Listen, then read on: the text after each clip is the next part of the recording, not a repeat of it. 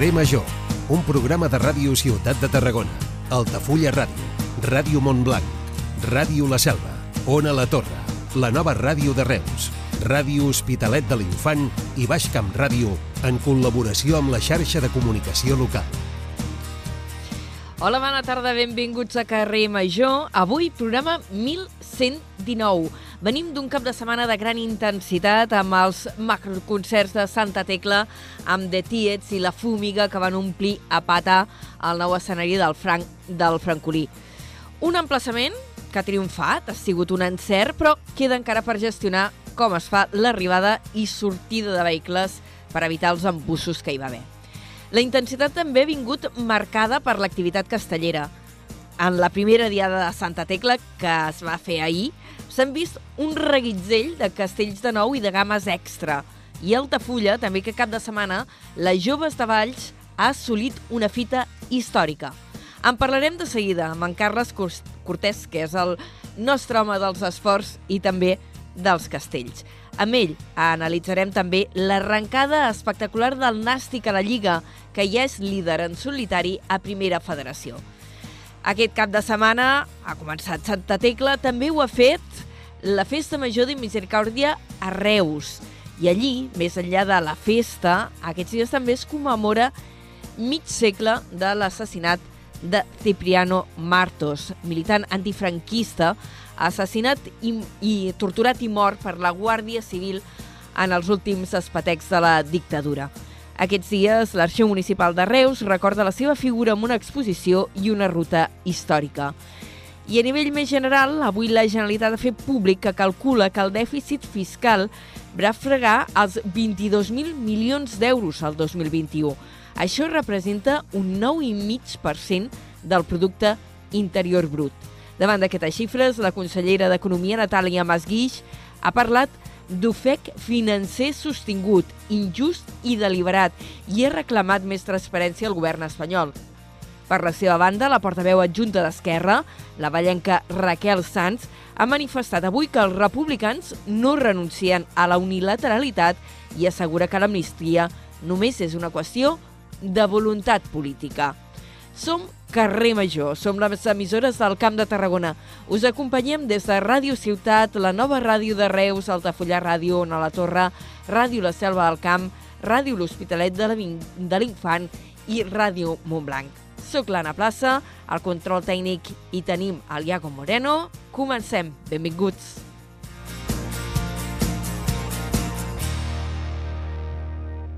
Carrer Major, Anna Plaza i Jonai González.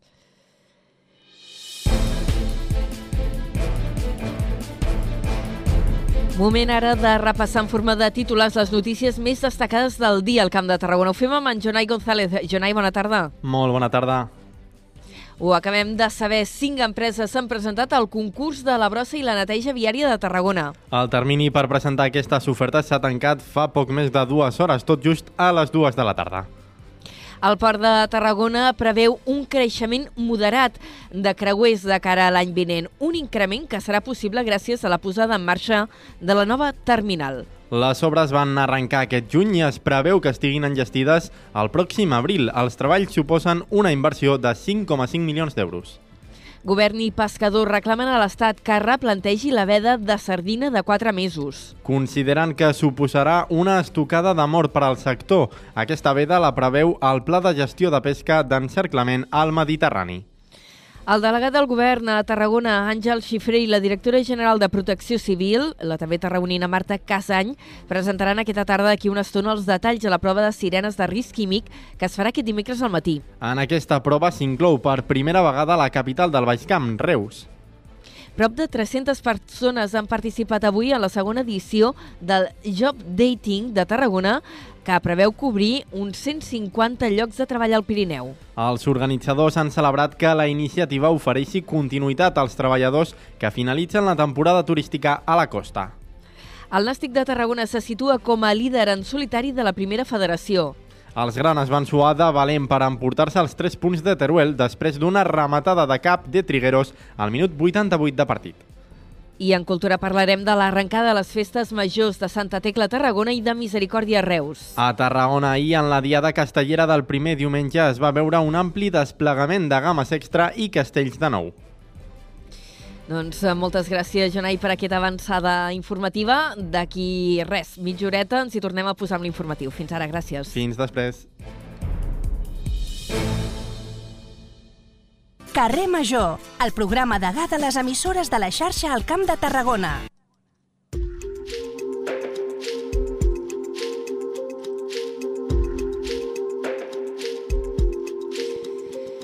Doncs seguim en directe endavant. Ja sabem que aquests dies eh, bona part de la població del Camp de Tarragona només està pendent de Santa Tecla, la Misericòrdia i para de comptar.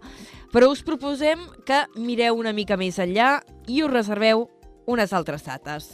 Això ja serà la setmana vinent, el 29 i 30 de setembre. Serà llavors quan se celebrarà la sisena edició de la nit de la recerca i per parlar-ne avui ens acompanya l'Urbano Lorenzo, que és vicerrector de Política Científica i Projectes Interdisciplinaris de la Rovira i Virgili-. El tenim als estudis eh, de Ràdio Ciutat. Bona tarda. Hola, bona tarda. Estem parlant d'una sisena edició d'una iniciativa, per tant, que encara és relativament jove, però que la podríem donar per consolidada i que, de fet, va creixent. Sí, eh, efectivament. Tu ara definies que la, la, els focus d'atenció d'aquests dies en les festes de Tarragona i de Reus i jo diria que també és, és aquestes dues setmanes és la festa de la ciència al territori, per dir d'alguna manera. I és una activitat que, com dius, sisena vegada aquí al territori, encara és jove, però no per això eh, li està faltant públic. Eh, per exemple, l'any passat doncs, vam atendre aquí a la plaça al Mercat, vam atendre a 2.000 persones que van passar pels nostres estants. Això s'emmarca en una activitat més gran a nivell mundial. Eh? No, no és que es faci només la nit de recerca aquí a Tarragona, sinó que s'heu adherit amb una iniciativa que es desenvolupa en molts altres països en paral·lel. Sí, efectivament, és una iniciativa europea que eh, està marcada, eh, per segon any, està marcada amb el títol de Recerca pel canvi, eh, apel·lant eh, no hi ha el canvi climàtic en si mateix, sinó més aviat el canvi que ha de fer la societat, les persones, per, eh, perquè el, el canvi climàtic no sigui una realitat en si mateix, sinó que el puguem revertir. Una activitat central, ara ho deies, l'any passat eh, vau aplegar moltíssima gent a la plaça Corsini i enguany tornarà a ser l'escenari central, tot i que després repassarem que hi ha més activitats, on hi haurà una seixantena de tallers. Què hi podrem trobar? Uh, la veritat és que podeu trobar eh, activitats de lo més variades. Uh, M'agradaria poder destacar alguna en concret, però me, personalment m'hi costa perquè sí. m'agraden totes molt, però per, per anomenar alguna doncs, eh, us recomanaria l'Splascraft, un escape room científic, en el que doncs, us enfrontareu en una depuradora d'aigües a, a veure si sou capaços d'escapar-vos d'allà. O també, us, per, per destacar una altra, doncs, benvingut a la Casa de l'Iber. No? Aquí estem en un territori que som molt conscients del nostre passat romà, però en Roma, de fet, va envair la nostra cultura prèvia aquí, que eren els cibers. I en aquesta benvinguda a la Casa Iber, doncs amb la realitat eh, virtual, us podeu endinsar en com era una casa dels cibers o per anomenar-ne una altra, que quan parlem de ciències immediatament pensem en una persona tancada en un laboratori amb una bata blanca. I la ciència va molt més enllà. I així doncs un grup de lingüistes ens parlarà i us farà treballar amb màquines, amb assistents de veu, amb veure tot el model matemàtic que hi ha darrere de, de tots aquests artilugis amb els que parlem amb tanta quotidianitat i que ens saluden com si fossin persones i, i, i el que repassarem serà tota la tecnologia que hi ha al darrere d'aquestes uh, activitats que són pràcticament jocs avui en dia, però que en el futur seran molt importants. És interessant destacar aquest caràcter interdisciplinari de, de la nit de la recerca, perquè no només trobem activitats, diguéssim, de l'àmbit de les ciències eh, pures, sinó que també trobem moltes coses relacionades, ara parlaves d'aquest àmbit de la lingüística, ciències socials. Intenteu donar un ventall bastant ampli. De fet, sí, tenim el, el, la sort, el, el, el privilegi de que la Rovira i Virgili, la universitat que està aquí al nostre territori, és una universitat molt interdisciplinar. Tenim moltes disciplines diferents, moltes persones que fan recerca en àmbits molt diferents, en el, seu, en el seu àmbit, però també interaccionant entre nosaltres, i aquesta setmana, eh, aquestes dues setmanes que venen, són una oportunitat eh, per part nostra per explicar-ho al territori perquè, la, perquè el territori conegui quina és l'activitat que fem de portes endins. De portes endins la Universitat Rovira i Virgili, però no només vosaltres, eh, perquè en aquesta nit eh, de la recerca i involucreu també els centres de recerca de referència que hi ha aquí al Camp de Tarragona, eh, centres de recerca a nivell de tot Catalunya i alguns ja en projecció internacional. Sí, sí, de fet els quatre centres que hi ha són, són quatre centres molt importants en, en l'àmbit de la recerca, en projecció molt internacional, però també amb una vocació de fer el que jo anomenaria ciència de quilòmetre zero, és a dir, ciència de molta qualitat, de molta projecció internacional, però fetes del territori i també pel territori. I així, per exemple, el, el, més, el més clar de tots és l'Institut eh, d'Arqueologia Clàssica, que treballa aquí a la ciutat, és l'Institut Català d'Arqueologia Clàssica, però està ubicat aquí a la ciutat amb una projecció molt internacional. Uh, I participen en aquesta nit de la recerca uns 300 investigadors, comptant els de la Universitat de Rovira i Virgili d'aquests centres de, de recerca. Com es coordina tot això?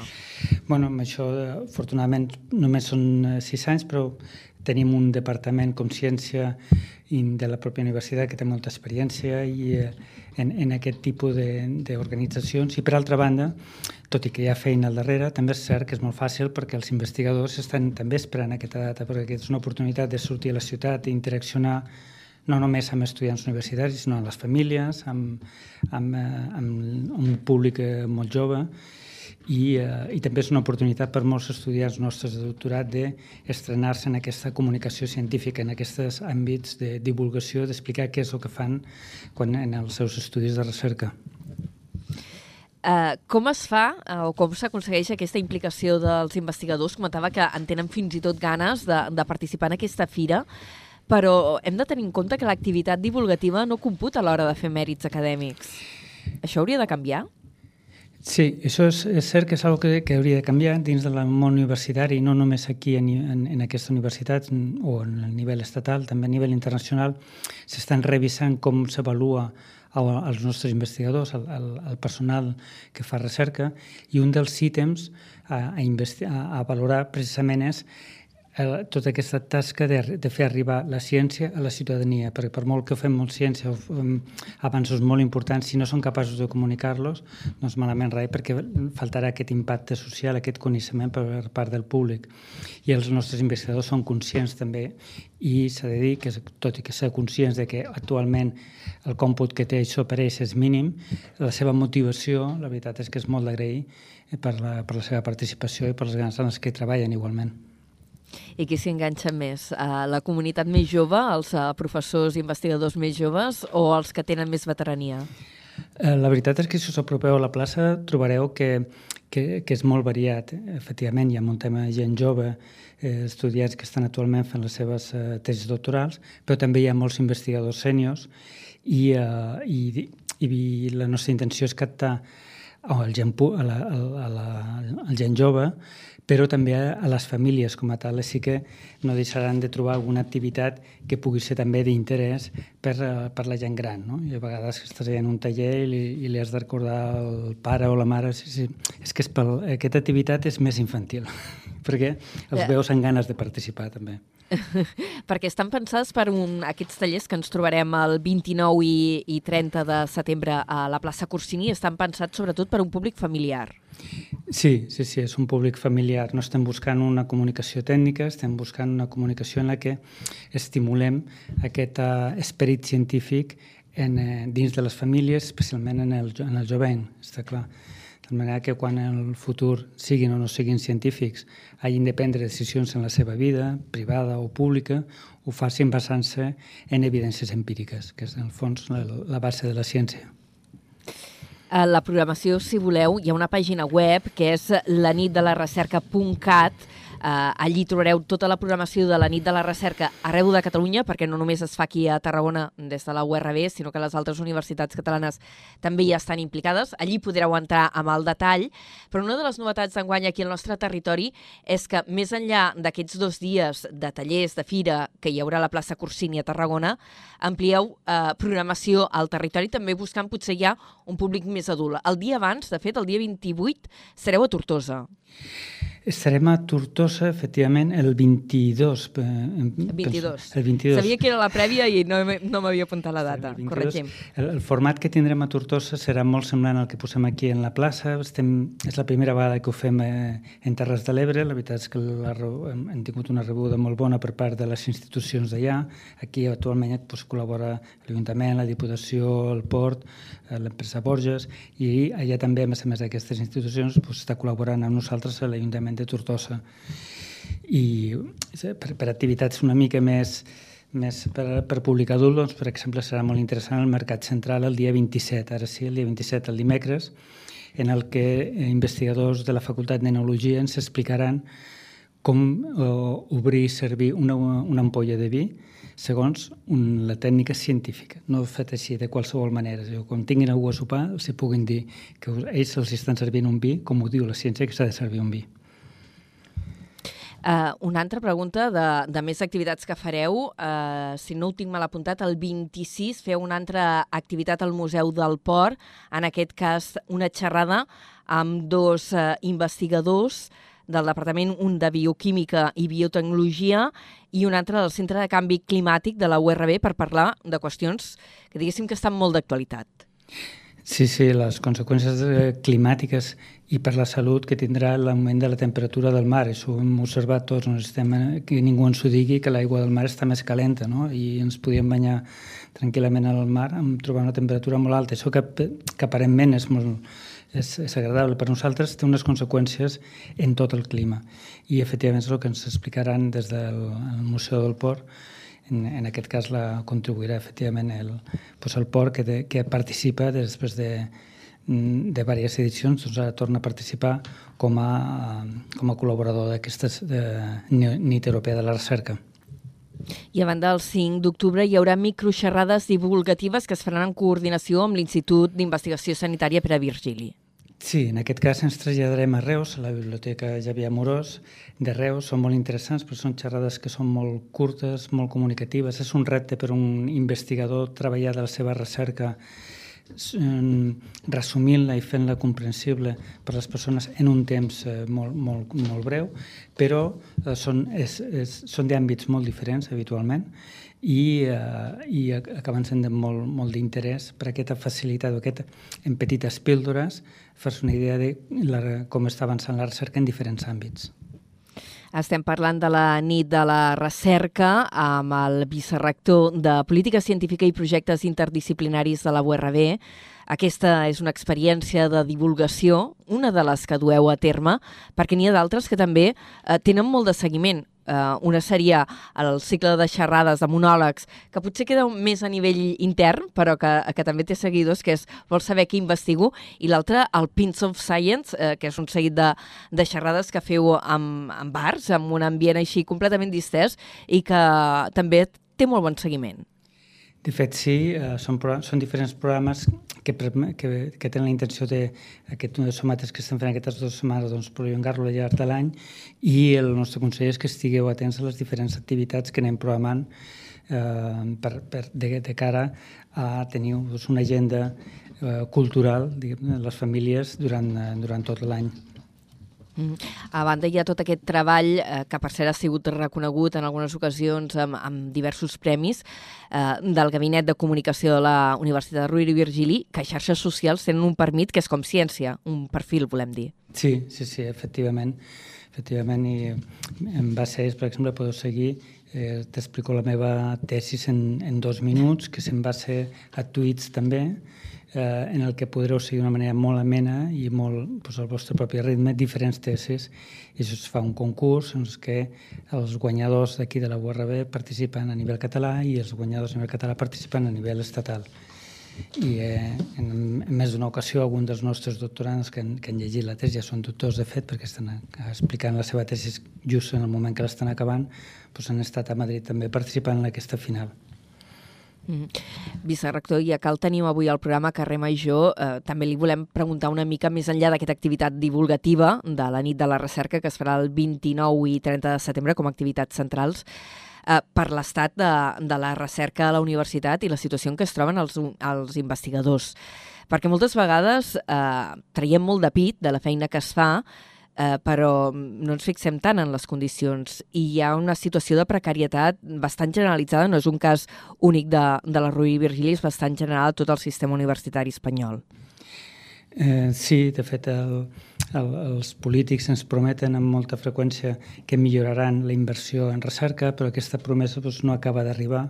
I, eh, de fet, és una inversió que hauria de ser en educació, en ciència, també en salut, ni, ni què dir-ne, i, eh, i que ajudaria que pes, a, a millorar el nostre rendiment, que, que val a dir, s'ha de, de puntualitzar que tot i així la Rovira i Virgili en els rànquings internacionals acostuma a quedar molt ben situada i a nivell estatal també acostuma a quedar molt ben situada.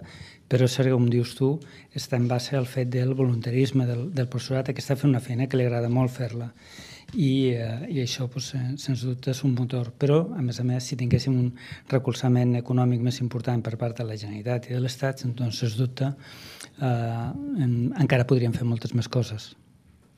De fet, ara diu de la Generalitat. He recollit una notícia que, que ens arribava al mes d'abril que deia que la Generalitat eh, tiraria endavant un pla de xoc per poder estabilitzar i ampliar plantilles amb una aportació de 5,4 milions d'euros per garantir eh, aquest relleu del personal docent investigador, tenint en compte també que ja hi ha tota una generació de professors que o s'han jubilat o estan a punt de fer-ho.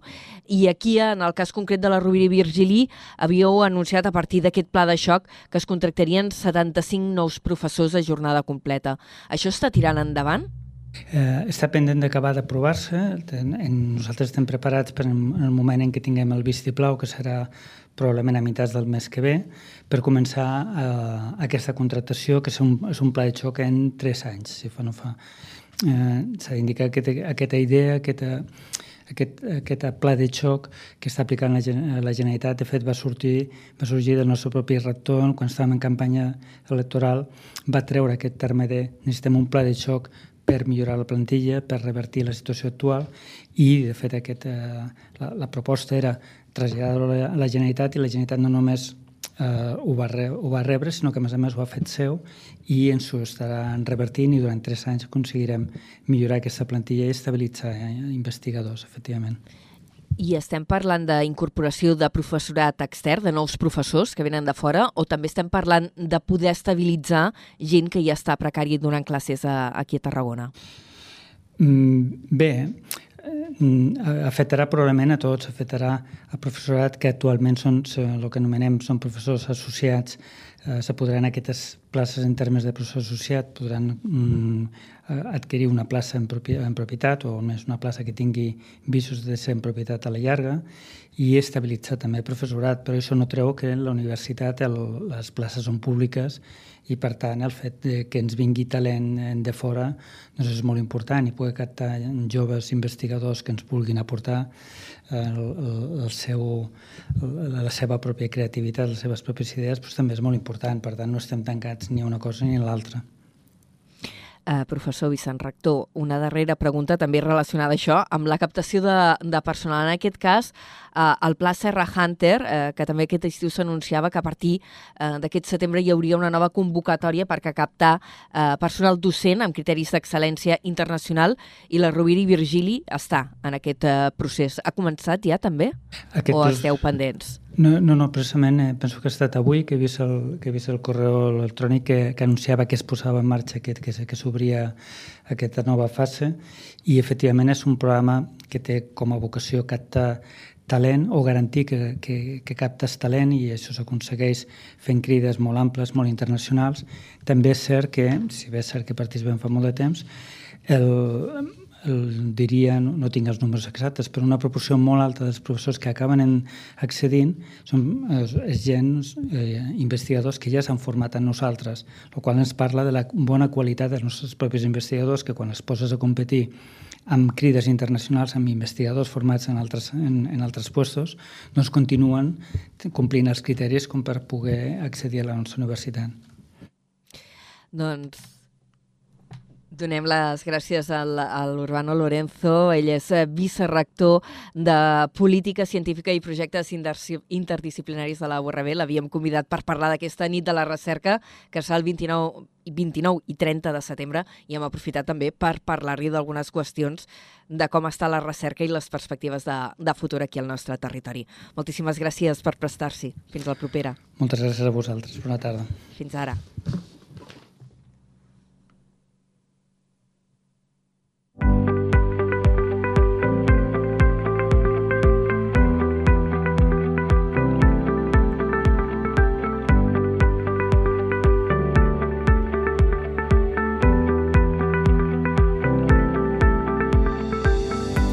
Seguim endavant. Avui és dilluns i ja us vam explicar la setmana passada quan començàvem temporada nova que els dilluns ens dedicaríem a parlar d'esports i també en aquestes alçades de la temporada parlarem de castells. I ho fem amb el Carles Cortés. Carles, bona tarda. Hola, Anna, com estàs? Bona tarda. Avui molt protagonisme pels castells, però fem una pinzellada al Nàstic, que, que per començar la temporada ho està patant molt, no? Sí, és que ho hem de fer, que està imparable. Deixa'm-ho dir així, eh? Està imparable a la primera federació perquè va guanyar fora de casa.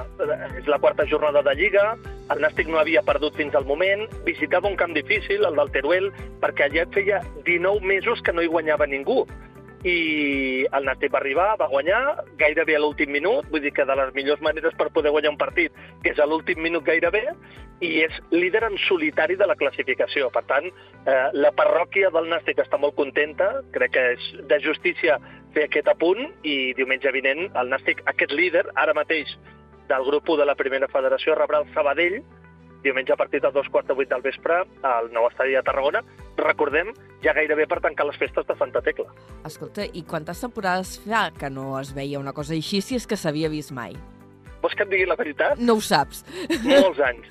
Molts. Eh, segurament que el Nàstic fos líder a aquestes alçades de temporada, jo no, no t'enganyo, eh? No en tens Posa-li memòria. 10, 15, 20 anys, tranquil·lament. Aquestes alçades, eh? Jornada 4 de Lliga, començar també el campionat, jo 15-20 anys segur, fa seguríssim.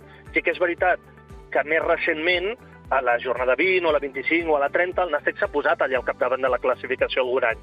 Però això que estem vivint, aquest inici de temporada, fa moltíssims anys que a Tarragona no es viu.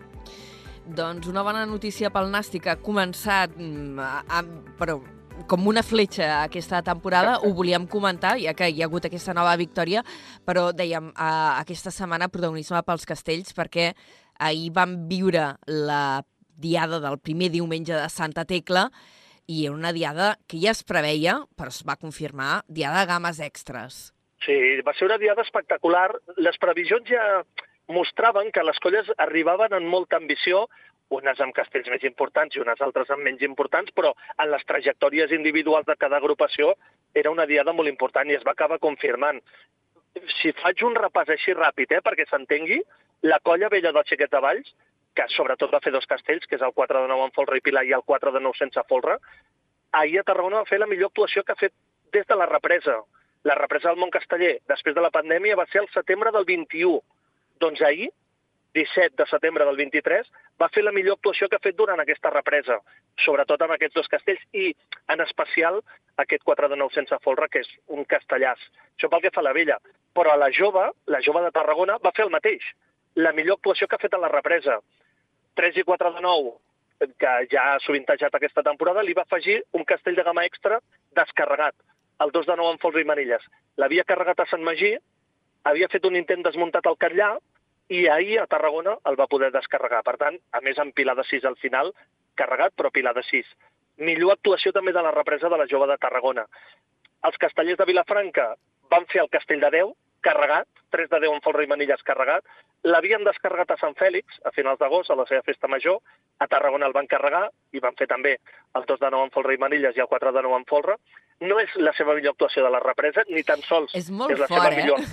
que amb una actuació així diguem que no és Sí. la seva millor actuació de les No, represes. No, no, no, no, no. I, I la millor actuació de la temporada la van fer per Sant Fèlix, a la seva festa major, eh? Home, Vull dir que es pot entendre, eh? No, no, no, no hi ha cap dubte que segurament ells van més forts... La... No, segurament no. Van més forts a la festa major seva que no pas en aquesta dia de Santa Tecla, però insisteixo, 3 de 10 carregat i 2 de 9 són dos castellassos.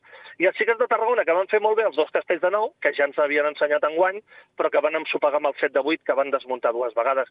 Així a grans trets, va ser, va ser aquesta jornada amb 11 castells de 9 i gamma extra. Vull dir que mm, nivell prepandèmic, perquè ens entenguem. O sigui, com si no hagués passat la pandèmia de la Covid-19 en el món casteller. Uh, em sembla que els, uh, la jove de Tarragona va intentar també un 5 de 9 que va acabar... Sí. No, no, no va arribar... Bueno, va arribar a 5 temps, però el van desmuntar quan estaven arribant ja al pom de dalt, no? Correcte. La, la jove de Tarragona tenia ahir un deure, que era descarregar el 2 de 9, i una il·lusió, que era fer el 5 de 9. El deure el van complir, 2 de 9 en folre has descarregat. La il·lusió la van intentar, 5 de 9 en folre, però el van desmuntar. La sort de la jove és que dissabte té Santa Tecla, i allà hi anirà segur una altra vegada aquest 5 de 9 en folre. Ara faltarà que el puguin fer, com a mínim carregar, esperem que descarregar, però té una segona oportunitat, recordem-ho dissabte vinent, i això és ben important perquè a, a Tarragona hi ha tres diades castelleres de festes de Santa Tecla, ahir la primera, dissabte Santa Tecla la segona, i diumenge recordeu que els piles caminen de la Mercè. Hi va haver una altra diada, a banda d'aquesta de, de Santa Tecla, que cap de setmana, la d'Altafulla, en què també vam veure un castell singular. Sí, molt bé, Anna, aquí molt bé aquest apunt, molt important, eh? perquè segurament el que va fer la vella ahir a Tarragona no s'entén sense el que va fer les joves, les joves de Valls, l'altra colla de xiquets de Valls, dissabte a Altafulla. Punt número un, important, van carregar el 2 de 8 sense folre. És la primera vegada que Altafulla en tota la història es fa aquest castell. No és una animalada, eh, aquest castell. Correcte. És un dels de màxima i extrema dificultat. Va quedar carregat, no sé si has vist les imatges, Anna, però la caiguda és dura. És No. d'aquelles que diem lletges. Fa pupa. Caiguda No, no, no, no l'he vist, la imatge. Sí, caiguda lletja. Però van carregar aquest castell que és d'extrema dificultat, dos de vuit sense folre. Però la gran notícia, la gran notícia, és el pilar de vuit amb folre i manilles en què van acabar l'actuació. Perquè Altafulla, el pilar de vuit descarregat, no es veia des de feia 145 anys. I, per tant, la transcendència i la importància del que va fer les joves. El castell sense folre, el 2 de 8 sense folre carregat, però sobretot aquest pilar de 8 descarregat, 145 anys després d'Altafulla, no cal dir que la gent d'Altafulla estava orgullosíssima i ho celebrava I- igual com a mínim que la colla joves. Sí, sí. Eh, bueno, a més, un cap de setmana que això, havent-hi la dia de Santa Tecla, potser aquesta Altafulla passa com a més desapercebuda, no? Correcte. Sí, podia, podia tenir aquest risc, però la jove es va elevar tant el llistó, va pujar tant aquest llistó, que ha fet que sigui inevitable parlar de Santa Tecla, però parlar de la festa major petita d'Altafulla, claríssim. I hem de fer, per acabar, Carles, la Sí. prèvia, mm, clar, ara veiem la primera, aquest, la, la d'ahir va ser la diada del primer diumenge de Santa Tecla, però després arriba la diada oficial del dia 23. Eh, Les colles, després d'aquest resultat d'ahir, suposo que hi aniran superenxufades. Sí, sí, sí, seguríssim. Tant la jove com els xiquets, els xiquets per, per rematar el 3 i el 4 de 9 en folre i la jove per poder tornar a provar aquest 5 de 9 en folre serà una diada. Aquell dia també hi haurà xiquets del Serrallo i colla castellera de Sant Pere Sant Pau en aquesta dia de Santa Tecla, diumenge els Pilars caminant, que això també és una tradició molt tarragonina, però apunta a l'agenda, Anna, apunta. Ai, Treu paper i boli. sí? Per què? Dissabte al migdia, si algú diu, mira, jo és que me'n vull anar a Barcelona a passar el cap de setmana, té castells. La diada de la Mercè de Colles Ai, tant. Mm. amb les joves de Valls, Minyons de Terrassa i Castellers de Barcelona. Però divend, dissabte a la tarda, el dia 23 a la tarda, si algú diu, és que jo encara tinc més ganes de castells, pot anar a Reus. Hi ha diada de misericòrdia amb els xiquets de Reus, els moixanguers d'Igualada, els nens del Vendrell i els castellers de Lleida. Per tant, opcions per anar a veure castells cap de Ostres, sí. setmana n'hi ha moltes. Carles, moltíssimes gràcies. La setmana que ve mm, seguirem parlant del nàstic, seguirem parlant d'esports i segurament també acabarem fent repàs una mica de- d'aquestes diades tan importants que encara ens esperen el cap de setmana vinent. Merci. Fantàstic, m'encanta, gràcies. Adeu. El que passa al Camp de Tarragona passa per carrer Major.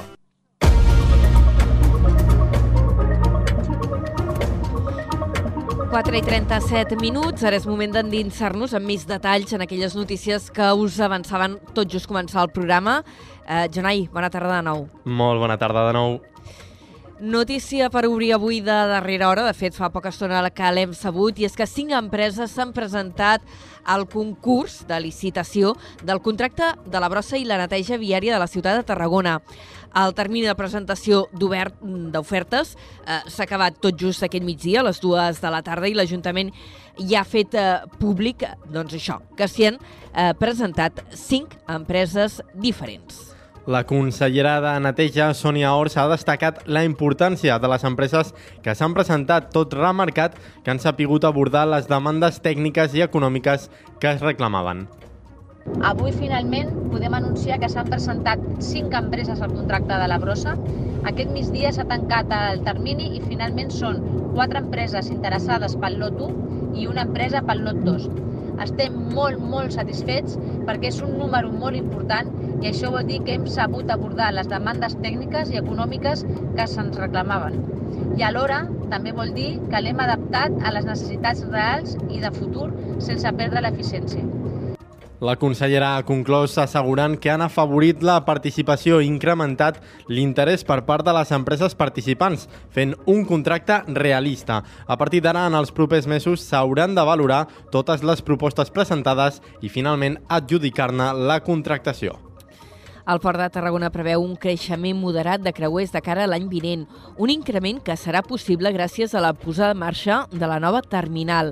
Aquesta s'està construint, les obres van començar de fet fa uns mesos, en una superfície de 2.200 metres quadrats, en una esplanada de 40.000 que hi ha al final del moll de Balears. Les obres van arrencar aquest juny i es preveu que estiguin enllestides el pròxim abril. Els treballs suposen una inversió de 5,5 milions d'euros. Alba Colet, responsable comercial de Global Ports Holding, assegura que ja, va, que ja fa temps que estan promocionant les noves instal·lacions que permetran consolidar i ampliar l'activitat creuerista al Port de Tarragona. Per l'any vinent, Global Ports Holding preveu un creixement moderat. La seva responsable comercial destaca que busquen un creixement ordenat i basat en una àmplia cartera d'excursions pel territori per evitar la congestió. I l'any vinent hi haurà un creixement moderat. És a dir, no és tant fins zona de créixer, sinó que, que veiem que podem assumir. És a dir, hi ha molts dies que no tenim creuers. Al final estem parlant de 55 escales i alguns dies tenim un parell d'escales. Per tant, són menys de 55 dies a l'any i no hi ha congestió, no hi ha... Per tant, tenim, tenim, és, és viable créixer i el que és molt important és que ho fem de forma ordenada i que sobretot aquestes, aquests creuers que venen a Tarragona tinguin la distribució una mica no, d'excursions per tot el territori. Enguany, des de l'inici de la temporada i fins a aquest, a aquest setembre, el moll de Balears ha rebut uns 70.000 passatgers i han atracat 32 vaixells. En total s'han programat 54 escales, de les quals encara en queden 22. I seguim parlant de qüestions relacionades amb el mar, però passem del turisme al sector primari. El govern català i els pescadors catalans reclamen a l'Estat que replantegi la veda de sardina de 4 mesos. Consideren que suposarà una estocada de mort per al sector. Aquesta veda eh, la preveu el Pla de Gestió de Pesca d'Encerclament al Mediterrani. Els pescadors i la Generalitat remarquen que fa més de dues dècades que reclamen a l'Estat un pla de gestió per al, be per al peix blau consensuat amb el territori i amb mesures acordades. El director general de Política Marítima i Pesca Sostenible, Sergi Tudela, critica que la veda de sardina suposarà capturar-la igualment i haver-la de tornar a Mar Morta. Això és un desastre pel sector i, a més a més, és impracticable. Per què és impracticable? Perquè aquestes embarcacions, quan surten a la mar i fan les seves operacions de pesca, capturen de manera barrejada les espècies principals seves, que són el seitó i la sardina. És absolutament impossible eh, destriar en una captura les, una espècie de l'altra. Per tant, si això s'aplica, obligarà a aquesta gent, als nostres pescadors, a realitzar una mortalitat que no servirà per res, perquè hauran de descartar en mar eh, la sardina que capturin, perquè no la podran desembarcar. Aquesta veda de 4 mesos se sumaria a l'aturada biològica, que ja és de dos. El president de la Federació de Confraries de Pescadors, Toni Abad, assegura que la veda que vol imposar l'Estat no s'ajusta a la realitat del sector català el sistema que, que estem utilitzant a Catalunya, que tenim molts exemples que estan anant molt bé de la cogestió. Un lloc on hi ha l'administració, com no, els científics, com no, perquè és que són parts essencials, però és que també té que haver-hi el pescador, perquè al final qui es mulla els peus cada dia és el pescador, i és qui coneix el medi i qui veu totes les alteracions i tot el que ens està passant al dia a dia. No? La sardina representa una quarta part de les captures anuals de les confraries catalanes i l'any passat es van pescar 5.000 tones, el millor any des del 2016. Fem ara una prèvia. El delegat del govern al Camp de Tarragona, Àngel Xifré, i la directora general de Protecció Civil, la tarragonina Marta Casany, presenten aquesta tarda, ho faran d'aquí a poca estona, els detalls de la prova de sirenes de risc químic que es farà aquest dimecres al territori. En aquesta prova s'inclou per primera vegada la capital del Baix Camp, Reus, que participarà en aquesta prova de sirenes d'avís a la població en cas de risc químic. Les sirenes a Reus estan situades al Tecnoparc i al Mercat del Camp. Els ciutadans de fins a 15 municipis de la demarcació escoltaran tres senyals d'un minut de duració separades per silencis de 5 segons. Al final de la prova s'anunciarà amb un senyal de 30 segons. Els Mossos d'Esquadra van detenir divendres al Vendrell un home per haver robat un cotxe d'alta gamma a la Pineda i encastar-se després contra dos camions a l'AP7. A l'individu de 47 anys se li imputen els presumptes delicte de robatori fur de vehicles, conducció temerària, conduir sota els efectes de les drogues i atemptat contra els agents de l'autoritat. Els fets es remunten al passat dimecres, quan l'individu va robar el vehicle a la platja de la Pineda. L'endemà va marxar sense pagar d'una gasolinera de Vilarrodona i va agredir una treballadora. Va ser aleshores quan els Mossos van muntar un dispositiu per ensampar el fugitiu. Aquest va conduir temeràriament per vies com la C31B, la TB 3148, l'A7 i l'AP7, arribant a circular per sobre dels 200 km per hora. Finalment el van poder ensampar quan es van castar contra dos camions a l'AP7 a l'altura del Vendrell. A l'arrestat també se l'acusa de robar una tauleta de 900 euros al Club de Tenis de Barcelona i la Diputació de Tarragona traslladarà les seves oficines eh, situades al Palau Climent de Tortosa per deficiències estructurals en l'edifici. L'ENS supramunicipal ja ha notificat als propietaris de l'immoble que rescindiran el contracte de lloguer. La fins ara seu de la Diputació presentava aquestes deficiències que s'han vist ara agreujades amb els darrers episodis de pluges, segons informa l'ens supramunicipal. Després de la valoració per part de tècnics de la Diputació, els serveis tècnics estan ara estudiant alternatives d'espais a la ciutat de Tortosa per poder ubicar la seu a les Terres de l'Ebre de forma permanent.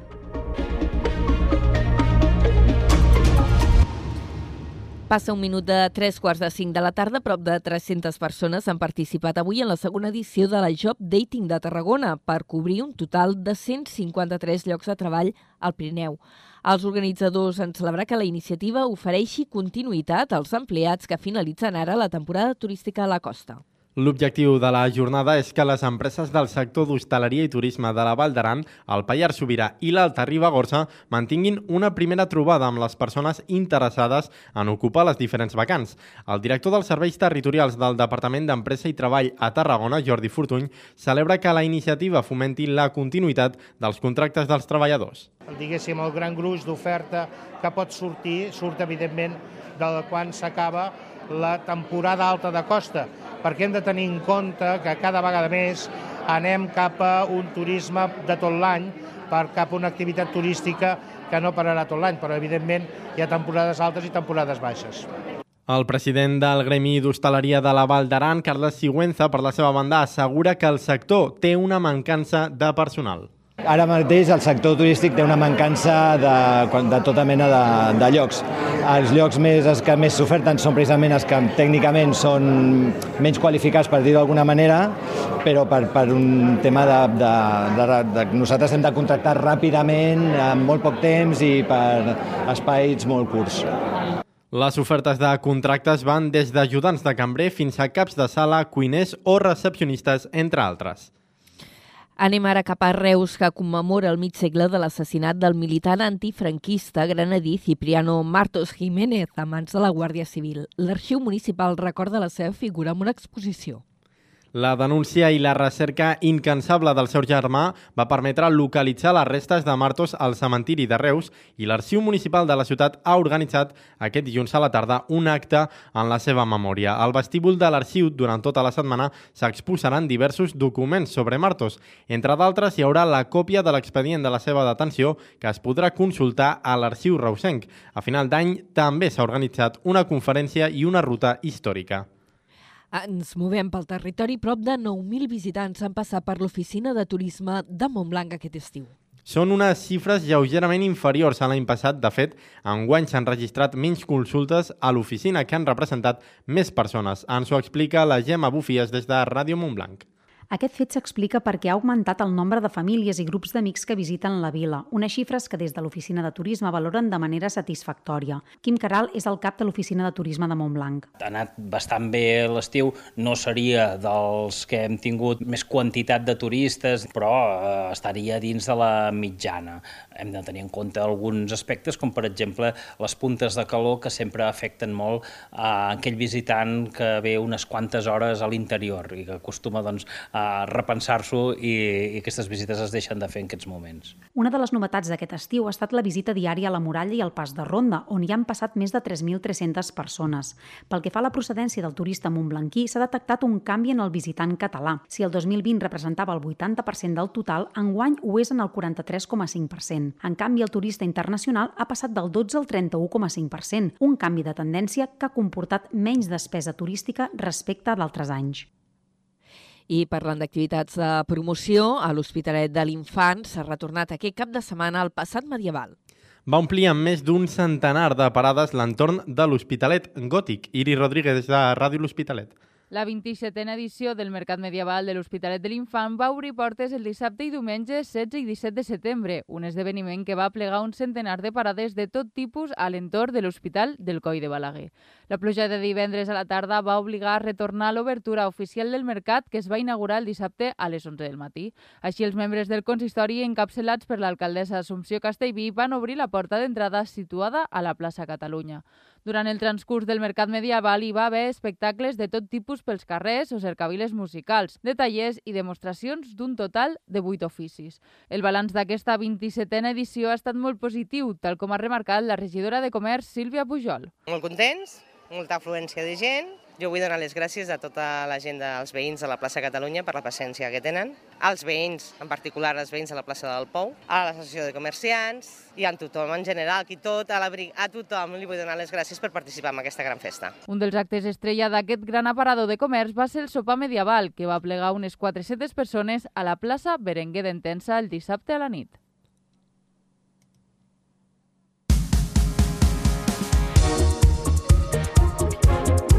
Aquesta sintonia ens porta a parlar d'esports. Encarem ja la recta final de l'informatiu, quan són les 4 i 50 minuts, falten 10 minuts per les 5 de la tarda. El Nàstic de Tarragona se situa com a líder en solitari a la primera federació.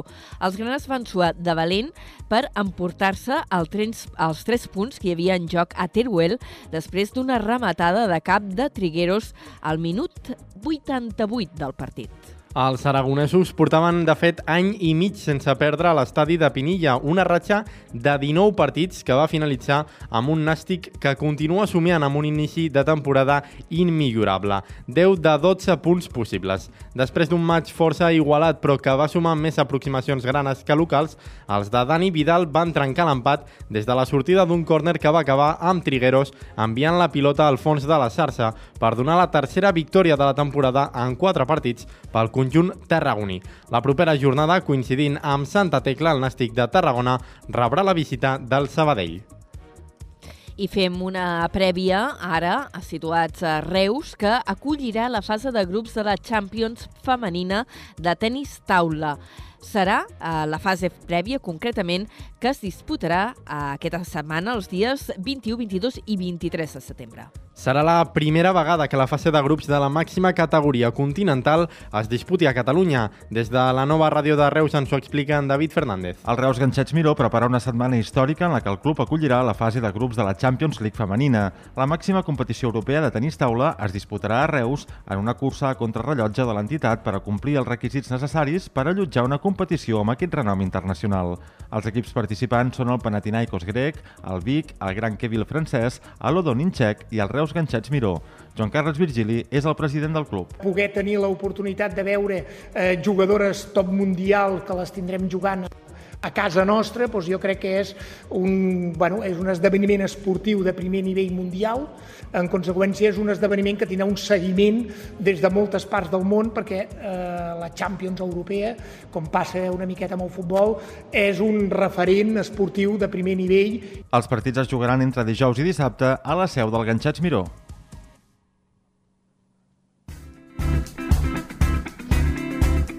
En plana cultural avui protagonisme evident per les festes majors de Santa Tecla a Tarragona i Misericòrdia Reus, que també ha començat a Tarragona. S'està vivint amb eh, molta...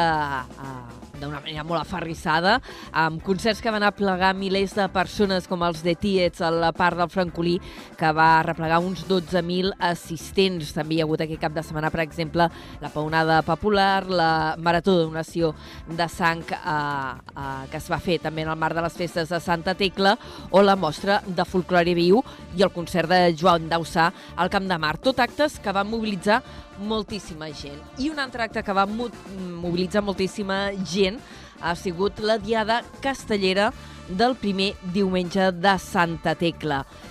Una diada en què s'han vist games extres i molts castells de nou. Els castellers de Vilafranca van carregar en segona ronda el 3 de 10 amb folre i manilles com a castell més destacat. També van fer la Torre de Nou amb folre i manilles i el 4 de 9 amb folre. La Vella de Valls va aconseguir descarregar el primer 4 de 9 net de la represa també a segona ronda. Prèviament van fer el 4 de 9 amb folre i pilar i després van sumar-hi un 3 de 9 amb folre i un pilar de 7 amb folre. Per la seva part, la colla jove de Tarragona va fer la seva millor actuació des de la represa descarregant un 3 de 9 amb folre, un 2 de 9 amb folre i manelles i un 4 de 9 amb folre i manelles. Els xiquets de Tarragona van descarregar el 3 i 4 de 9 en folre, però se'ls va resistir al 7 de 8. I a Altafulla també hi ha hagut aquest cap de setmana una diada destacada en què les joves de Valls van assolir una fita històrica. Van descarregar un pilar de 8 en folre i manilles després de gairebé un segle i mig. Els ballencs actuaven a la Festa Major Petita d'Altafulla, juntament amb la colla local i també els xiquets de Reus que van complir amb les seves previsions.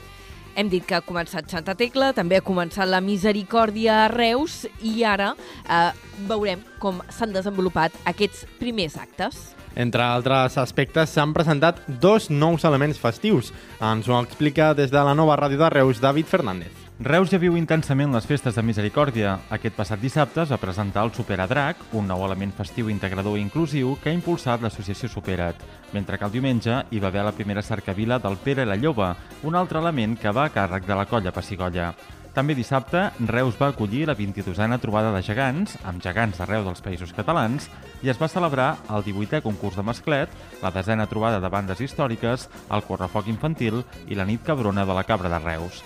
A banda, el Bou va Sí. celebrar el seu desè aniversari i la dansa del mossèn Joan de Vic als seus 40 anys, en els dos casos amb dues rebelles populars. Diumenge, entre d'altres, va ser el torn de la 57a edició del tradicional aplec sardanista Baixcamp al Santuari de Misericòrdia. Els plats forts de les festes, però, arrencaran el dijous amb el lliurament dels guardons de la ciutat, mentre que el pròxim cap de setmana tindran lloc els actes més tradicionals al voltant del santuari. Moltes gràcies, David, per aquesta crònica del primer cap de setmana de Misericòrdia. Els actes també que han de venir i a Tarragona continua Santa Tecla avui dilluns, per exemple, amb el Tor de la Baixadeta, de la Ligueta, la Molaceta, el Lleonet, els gegants moros petits, els negritos, els gegants vells petits i la cucafareta. Tot plegat amb el recorregut des del Pla de la Seu, el recorregut habitual, fins a la plaça de la Font. Dit això, acabem. Adeu.